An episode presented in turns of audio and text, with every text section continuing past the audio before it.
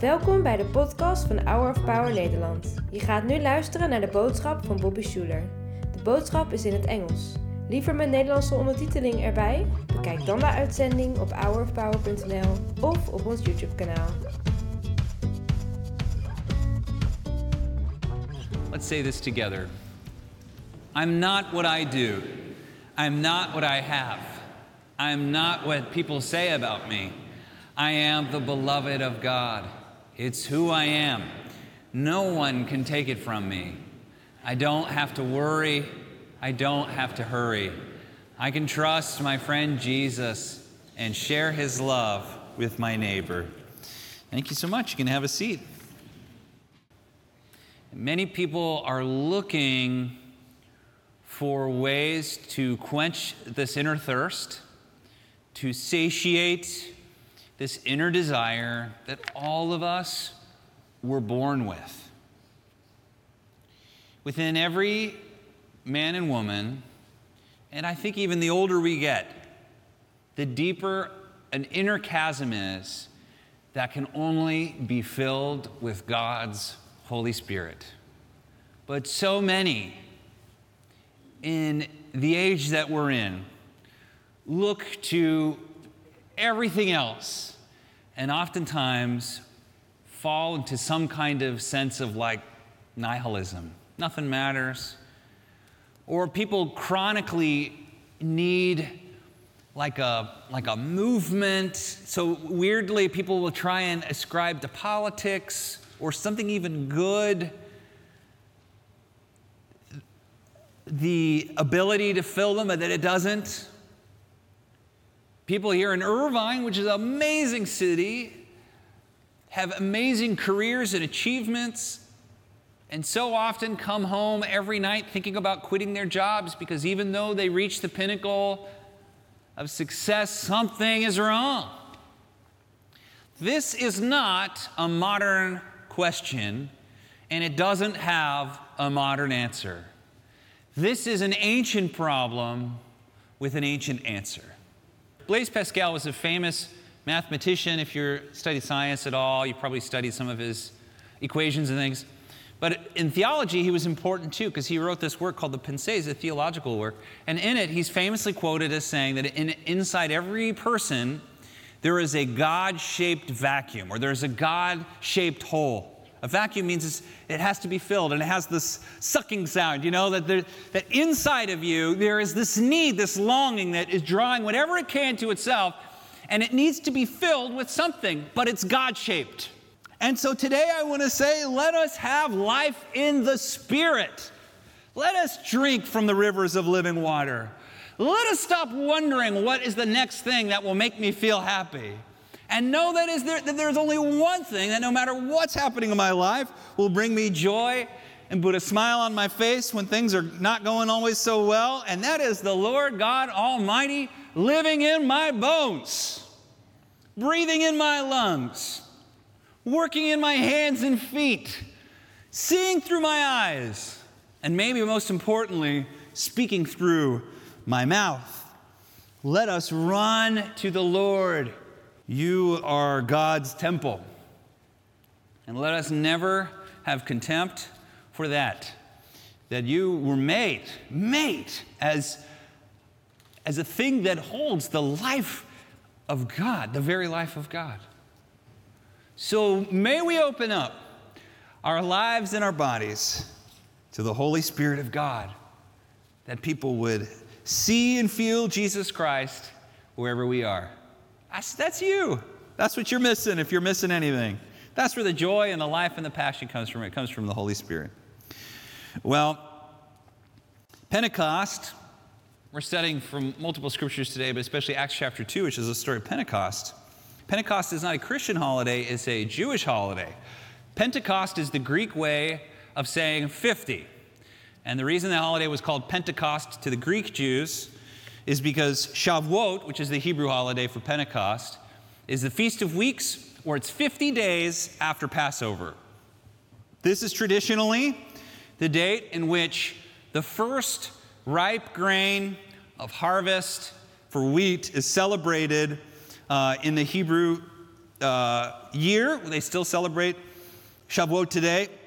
But it also celebrates traditionally the giving of the Torah, so that God gave, traditionally they believe, the Torah to Moses on also the day that God gave the first grain of wheat. So that the idea was that the Word of God was like bread to the soul. And in fact, it's in the Torah that was originally said man cannot live on bread alone. It was spoken by God when the law was given to Moses. Man cannot live on bread alone, but on every word that comes from the mouth of God. That's interesting. We'll come back to that. But Shavuot or Pentecost celebrates the giving of the Torah and, most importantly, the first wheat. Now, uh, I believe, I have to look this up, but I, I believe Pentecost or Shavuot is the only Jewish holiday that falls on a Sunday instead of Sabbath. And you'll see that uh, it's a temple celebration in Jesus' day, and you would have had hundreds of thousands, if not millions, of Jews coming from all over the world to come to the, uh, to the temple to celebrate Shavuot, which began at 9 a.m. And I just want to pause here for a minute try to get your mind into the body of a first century Jew. This temple, in their view and in truth, was an amazing place. They never called it the temple, they called it the house. Everybody say the house. The word in Hebrew was bait, the bait, the house of the Lord. And it was here in that little room in the middle that you could say to your kids, if you're in a pickle, let's go see God. We know where He is. He's in Jerusalem, in His, in His house, the temple. He's there. He's there in the Holy of Holies behind those beautiful doors, and He's there. And if maybe we yell loud enough, He'll hear us. And we can go there. And so the idea was that God's literally there, like He's there like she's like, hey, let's go to heaven and talk to God real quick and come back. It was very similar for them. And it's here where many miracles happen. And to think that anytime you're in a pickle, you can say, let's go to the temple. I need atonement for my sin. I need help with my problem. I need to give to someone in need, or I need hope or encouragement or prayer. Let's go to God's house and gather there. So, quite literally, God in the Jewish mind has an address 777 Jerusalem Way. We know that's where you go and you will find God. And it is there, by the way, that the Christian holiday of Pentecost happened. Now, if you grow up in church, you might have a little ping, like a little, wait, hold on, Pastor Bobby, I don't think that's it. Wasn't it the upper room? So, if you don't know what we're talking about, Pentecost is a Christian celebration of the gift of the Holy Spirit through the miracle of speaking in tongues. And it's traditionally taught that that gift was given in what people call the upper room, which is mentioned in the first chapter of Acts, where the disciples gathered. This is where they picked Judas Iscariot's replacement. And a lot of times people believe that it happened there, but it didn't. It actually happens in the temple. You can see it just plainly in Scripture, but scholarship supports this. Some I, things you can look at is beginning of chapter 2 it says, and the house, or sometimes it says, and the whole house. Well, what does that mean? Now, to us, we read the house, the upper room, but for Jews, the house is the temple, right? They would have, it was somebody else's house, they probably would have said whose house it was. But they say the house. It says, and the crowd. There was this crowd that forms around them. Well, how is a giant crowd of thousands of people going to form around, you know, John's uh, basement or, or attic or whatever is they were supposedly meeting, huh? That wouldn't work. And actually, at the end of Acts chapter 2, it says, every day they continued to meet in the temple courts, which is a hyperlink saying that this whole time it's been in the temple courts. So I don't know if you really care. It's, not, it's maybe not that important to most people. It's important to me, though, because when you think about Pentecost happening actually in the temple, rather than happening in an upper room, it ha- and it says that the whole house was full of the of the Spirit, it gives a little more life and meaning to the story. First of all, it makes sense that the disciples were at the temple on Shavuot because Shavuot is a holiday that happens at the temple. That's where all good Jews would go. And they still, you'll see through the beginning of Acts, they continue to meet at the temple over and over. And there is the scripture, listen to this. There are four scriptures. So imagine the temple full of people. The Bible says at 9 a.m. Now, that, there's a reason they tell you at 9 a.m. 9 a.m. is when the scripture reading happens in the temple for Shavuot. And 9 a.m., you would have a priest who would get up and he would read four scriptures. One of the scriptures that he would read is from the chapter of Ezekiel. Can I read it to you? Okay, this is, this is just at 9 a.m. in the temple. He would read from Ezekiel, from the Old Testament. I looked, and lo, a stormy wind came sweeping out of the sky. A huge cloud and a flashing fire filled the courts. And then the Spirit carried me away, and behind me I heard the roaring sound of a mighty wind. And the Spirit seized me, and there was fire that filled the courts. Now, I just like to pause for a moment and say that was absolutely being read at 9 a.m. in the temple courts. And at that moment, I hope, I hope it's on that scripture. It seems like it have to be. The Holy Spirit in reality fills the temple, not where the Holy of Holies is, but where those disciples are, somewhere else in the temple courts, fills them with power and fire, and they begin to speak in these languages of all of the pilgrims that are visiting the temple for this high holiday. Visitors from Egypt and the Arabian Peninsula, or you know, the north in Asia Minor somewhere. And they've all come here and they're hearing the gospel being preached in this language from the tiny little village that they're from. That, they, that there's only like 300 people that know that, that language. It's an amazing story. And it's, a, and it's God's fulfillment of his promise. And on the day that's normally celebrated of the giving of the law, becomes for believers the day of the giving of the Spirit. Now, here's another hyperlink on this day. In the very bizarre and hard to read modernize of the Torah, when God gives the law to Moses on Mount Sinai, do you remember what the people do because he's taking too long? They create for themselves an, a golden calf and they begin to worship it. And they say, This is the God, Baal, who brought us out of Egypt, not Yahweh.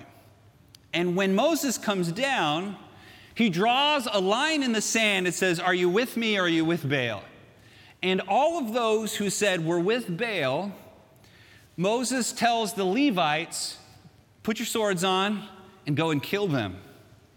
And on that day, do you remember how many people died? Any Bible nerds here? The number was 3,000. 3,000, okay? Were killed. On Pentecost, on Shavuot, which celebrates that same day of the giving of the law to people, God gives his spirit, and this great miracle happens. And on the day of harvest, thousands of people come to rely on Jesus Christ as their Lord and Savior. Do you remember how many people were given life on that day? How many came to faith? Any Bible nerds? Anybody want to give a shot at this? 3,000. The law gives death, and judgment, the Spirit brings life. Life. And what God did on that day was fill the intent of the law in the life of the Spirit by transforming the person and the will. They don't need a law anymore. They just simply love what is good and hate what is evil. They simply became like Jesus through his cross, resurrection, and filling of his spirit. And finally, the last cool hyperlink of the story. Uh, this is also a link to Babel, the Tower of Babel. When God wanted to do a sort of re roll because creation had become so evil. After the flood, Noah's children, posterity, generations, they become another like evil people. And they begin to build for themselves in Babylon a tower. And they, it says that in the land they all spoke one language. And because they all had one language, they could mobilize in such a great way. People have been so obsessed with the story. There's so many other fun things to talk about in the story. But the, the most amazing thing that's said in the scriptures about this you know, ancient story is God says, if as one people, speaking the same language, they have begun to do this, then nothing they plan to do will be impossible for them. Jesus repeats this phrase, you remember? Nothing will be impossible for those who believe. It's the same phrase. And in the giving of the language, God inverts the story. Instead of breaking them all up into different languages and splitting them up, He brings them together under the language of heaven. It's a sign that now, because they're full of God's Spirit, that nothing will be impossible for them. Nothing's impossible for you if you're full of the Spirit of God. Nothing is impossible for those who believe and trust in the Lord Jesus. And on that day, when the Holy Spirit filled those believers, that temple found a new address. No longer 777 Jerusalem Way. It's you. In the same way that a Jewish family would have looked at the temple and said, Wow, God lives there. I can look at you and say, Wow, God lives there. He's right there in that person who believes in Christ crucified and raised from the dead. If you're a temple, you need the Spirit. You need the Spirit inside of you. So come boldly before the throne of God. And if you haven't become a Christian, repent. Make a decision today. Why wouldn't you? Make a decision to commit your life to God today. You'll never be the same. When you're baptized, it's sort of like God puts a pilot light inside of you. You know what a pilot light is? It's in your fireplace, or some of you have it in your stove. It's a little blue, almost invisible light. You almost need a light to see the light, you almost need a flashlight to find it.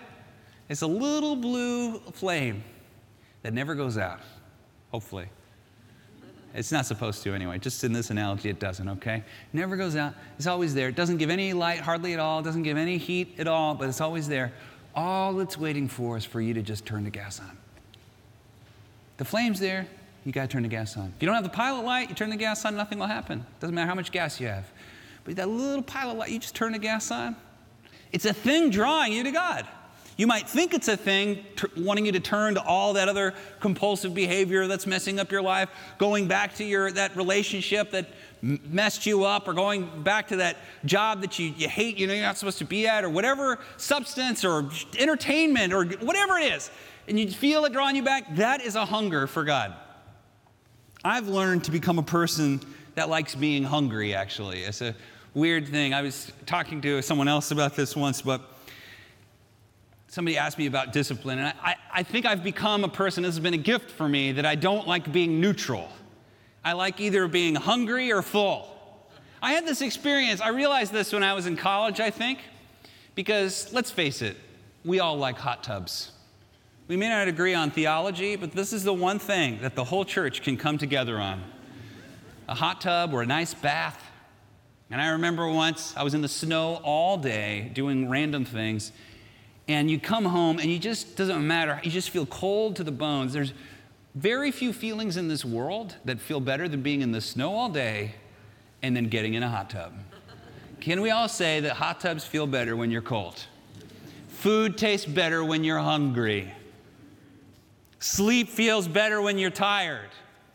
Vacation feels better when you're working hard. The hunger you feel in life is a hunger that's drawing you to something better. So eat of the tree of life or just stay hungry. But eat of the Lord and learn to know that the hunger that God has put in you is drawing you to something better. And finally, remember that of all things, you are symbolically and literally a temple. The Holy Spirit's house. You're the house. You're the house. The Holy Spirit lives in you. And I have seen in disciples, especially older Christians, that something happens when an older person, especially, abides in the Spirit long enough that it's just plain as day that the life of God is in and all around them. And they quite naturally draw people to them. There's many people in the church that are that way. Maybe you're thinking of someone that's that way right now. Maybe you're that person. And I want to encourage you that part of the reward of abiding in the Spirit and never leaving the Lord's side and understanding that hunger is a drawing to the, the, the meal of the Lord, to the tree of life, to the river of life, is that someday there will be people that don't know the Lord or can't, that they'll see you the same way a first century Jew would have seen a temple in Jerusalem. When they're going through a hard time and they need hope or they need love or they need encouragement, they'll say, oh, There's a place I can go. There's a place I can go where I can find God. And you know what they're going to think of? They're going to think of you. So let us all pray that the fulfillment of God's promise, that we would be a temple of the Holy Spirit, would be made true in you. Lord knows a hurting world needs someone like you, full of the Spirit, and you are. So, Father, we ask you in the name of Jesus to fill us with your Spirit which provides in abundance to those around it a common grace of love and joy and peace and patience and all sorts of good things that are made available to a hurting, hungry, and thirsty world. With all that's going on in this world, Father, we know that you've got the whole world in your hands. We don't have to worry today. Lord, help us to love our neighbor. That's all you ask of us. And to love you with all our heart and all our soul and all our strength. And we ask this in the strong name of Jesus. Amen. Bedankt voor het luisteren naar de podcast van deze week. We hopen dat deze boodschap jou heeft bemoedigd. Wil je meer weten over Hour of Power of dagelijkse bemoedigingen ontvangen? Ga dan naar www.hourofpower.nl.